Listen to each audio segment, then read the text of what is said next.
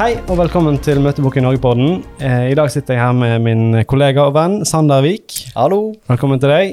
Um, vi skal prate litt om booking i utlandet. Uh, vi har uh, ja, de siste månedene hatt, uh, hatt prosjekt som går utenfor landets grenser, der du har både levert gode resultat og har fått en del erfaring.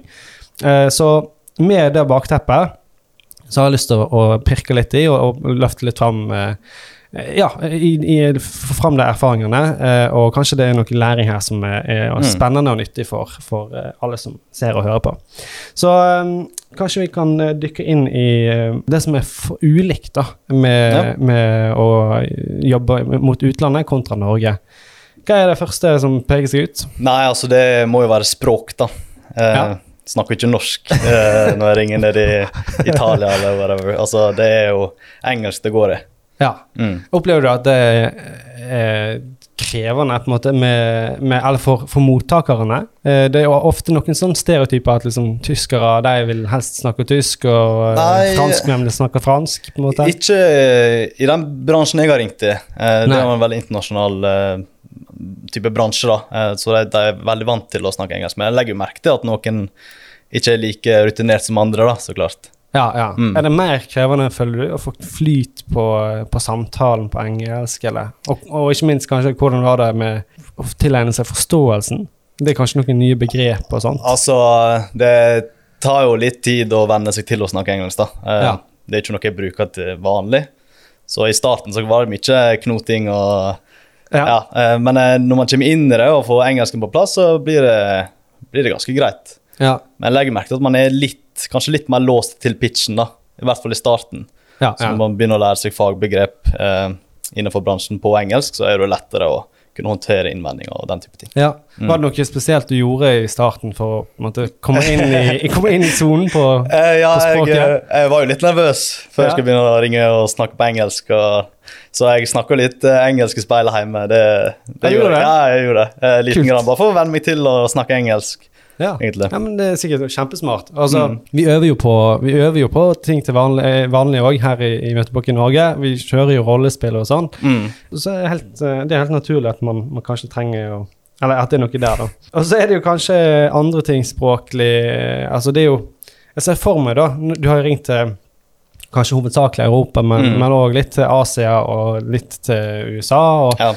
Eh, jeg ser for meg at du møter på en del eh, interessante navn, f.eks. ja, ab absolutt. Jeg ringer nå eh, i Øst-Europa og ja, Asia, som du sa. Ja. Eh, det er jo veldig vanskelig for oss å uttale de navnene. Egentlig bare skjønne hvordan man uttaler det navnet Ja. som står der. Ja, ja. Så det jeg har gjort, er å kopiere navnet og så lime det inn i Google Translate.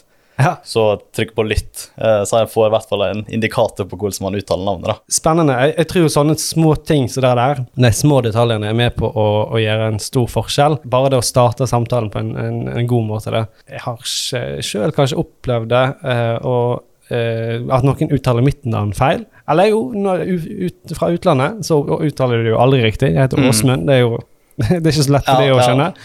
Men jeg har jo selv opplevd å, være i møte med noen som jeg bare Hvordan er det egentlig du eh, Hvordan skal jeg si navnet ditt? Mm. Og da har jeg rett og slett begynt møtet med å si, Du, jeg er faktisk litt usikker. Så jeg Ja. skulle, jeg skulle ha gjort Google Google Ja, Translate. det, eh, det er et godt tips. Jeg vet ikke, Det altså, blir ikke 100 riktig, men Nei, men det, det er bare det at eh, de, kanskje de opplever at man har prøvd, og, og, Ja. og at man treffer ganske nærme. På en måte. Ja. Det tipper jeg positivt, eh, gir positivt utslag i en samtale.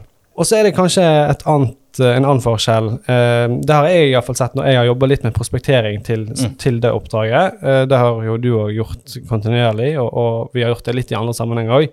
At det er en annen kultur for åpenhet og informasjonsdeling. Altså det, det er jo luksus å sitte og jobbe Ja. med salg i Norge, der du har offentlige data, eh, Brønnøysundregisteret, Proff og 1881. 1881. Alt er jo tilgjengelig, og så er det kanskje ikke helt sånn det er eh, andre, i andre land. Eh, hva er Mm. dine erfaringer der? Nei, altså, det er jo tidkrevende, da. Én ting er å finne en tittel, eh, men du må jo ha navn og nummer og e-postadresse og den type ting. Så det er veldig mye research på Google eh, og eh, LinkedIn, Sales Navigator. Mm. Ja. Ja. Er det gode er det, Har det fungert bra? På, Eh, ja. Eh, da har jeg i hvert fall eh, et navn jeg kan prøve i, i, til sentralbordet, da. Ja. Og forhåpentligvis eh, komme fram til rett eh, beslutningstaker. Ja, Mm. så bare med å ha navnet, så hjelper det. Er det Altså, har, har metoden din vært annerledes? Er det f.eks. Eh, interessant å starte mer Starte jobben med, med mail kontra det å ringe, eller er det, er det ringing du på en måte Nei, det er primært ringing. Eh, Ja. Det er det. Det er jo oppdrag der jeg har eh, Eller eh, bedrifter og beslutningstakere jeg har prøvd å komme i kontakt med lenge, mm. men eh, ikke har noen muligheter. Så da sender jeg en mail, så klart. Ja, Men men, det det, veldig- det er fortsatt en sånn siste utvei? Ja, det er siste, absolutt siste utvei. Mm. Ja. Hvordan er det med Holdt på å si Når jeg får en telefon da fra utlandet, Ja. så tenker jeg umiddelbart eh, her er det en svindler. Ja. Her ringer de. Uh, This is from Microsoft. Og så det, sitter de der i eh, India eller Bangladesh og Ja. skal lure meg. Hvordan, hvordan opplever du at det, det er noe skepsis med du, For du ringer jo med et norsk nummer. Ja, det, Og for så vidt òg fra et, altså på vegne av et norsk selskap. Hvordan opplever du det? Er det, er det noe Jeg- skepsis, eller? jeg føler nå at jeg får uh, egentlig ganske god respons da. Ja. Eh, når jeg ringer direkte. Eh, så føler jeg at folk ofte tar telefonen, men det har jo veldig med bransjen jeg ringer til. Mm. Der, eh, ja, det er en veldig internasjonal bransje, og eh, de jobber jo ja, med mange mulige nasjonaliteter. da. ja.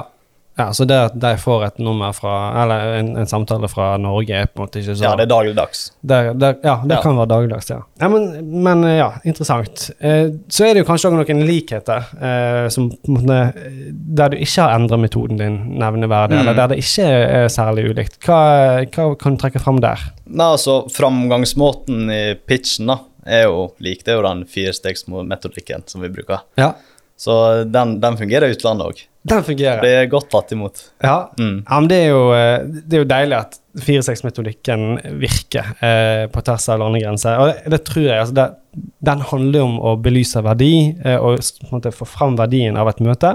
Så den er jo på en måte Den tror jeg er universal, egentlig. Eh, Mm. vil, vil gjelde uansett hvor du, hvor du jobber. Jeg ser jo for meg, i hvert fall fra min egen erfaring, har jobbet med litt kunder i Øst-Europa og litt eh, rundt omkring, eh, opplever jo gjerne at det er kulturforskjeller når det kommer bare til forretningsvirksomhet og det å Mm. drive business.